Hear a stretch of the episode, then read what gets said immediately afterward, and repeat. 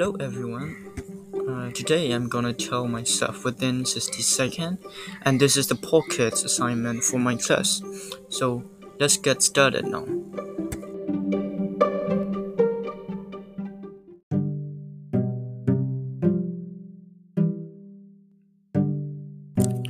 Happy, introvert, friendly, this three words can describe me. Uh, like for me, the perfect happiness is staying with the people like uh, who love me and understanding each other.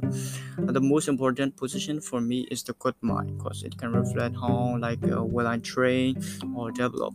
Uh, the greatest achievement for me is the big donation like since 2019 and I prefer the simple and creative wearing and the sports. But on the other hand, I don't keen on wasting money like uh, on the necessary things.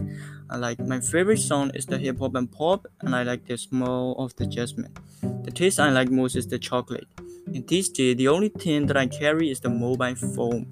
I have an idol and crest so that uh, like uh, it will be perfect when I have the dinner with them. Uh, like outdoor is my favorite man because it is quiet and the weather is fine and it's between rain and cold. If I could change the past, I definitely want to tell my mom to give birth a year early because I'm studying in long education.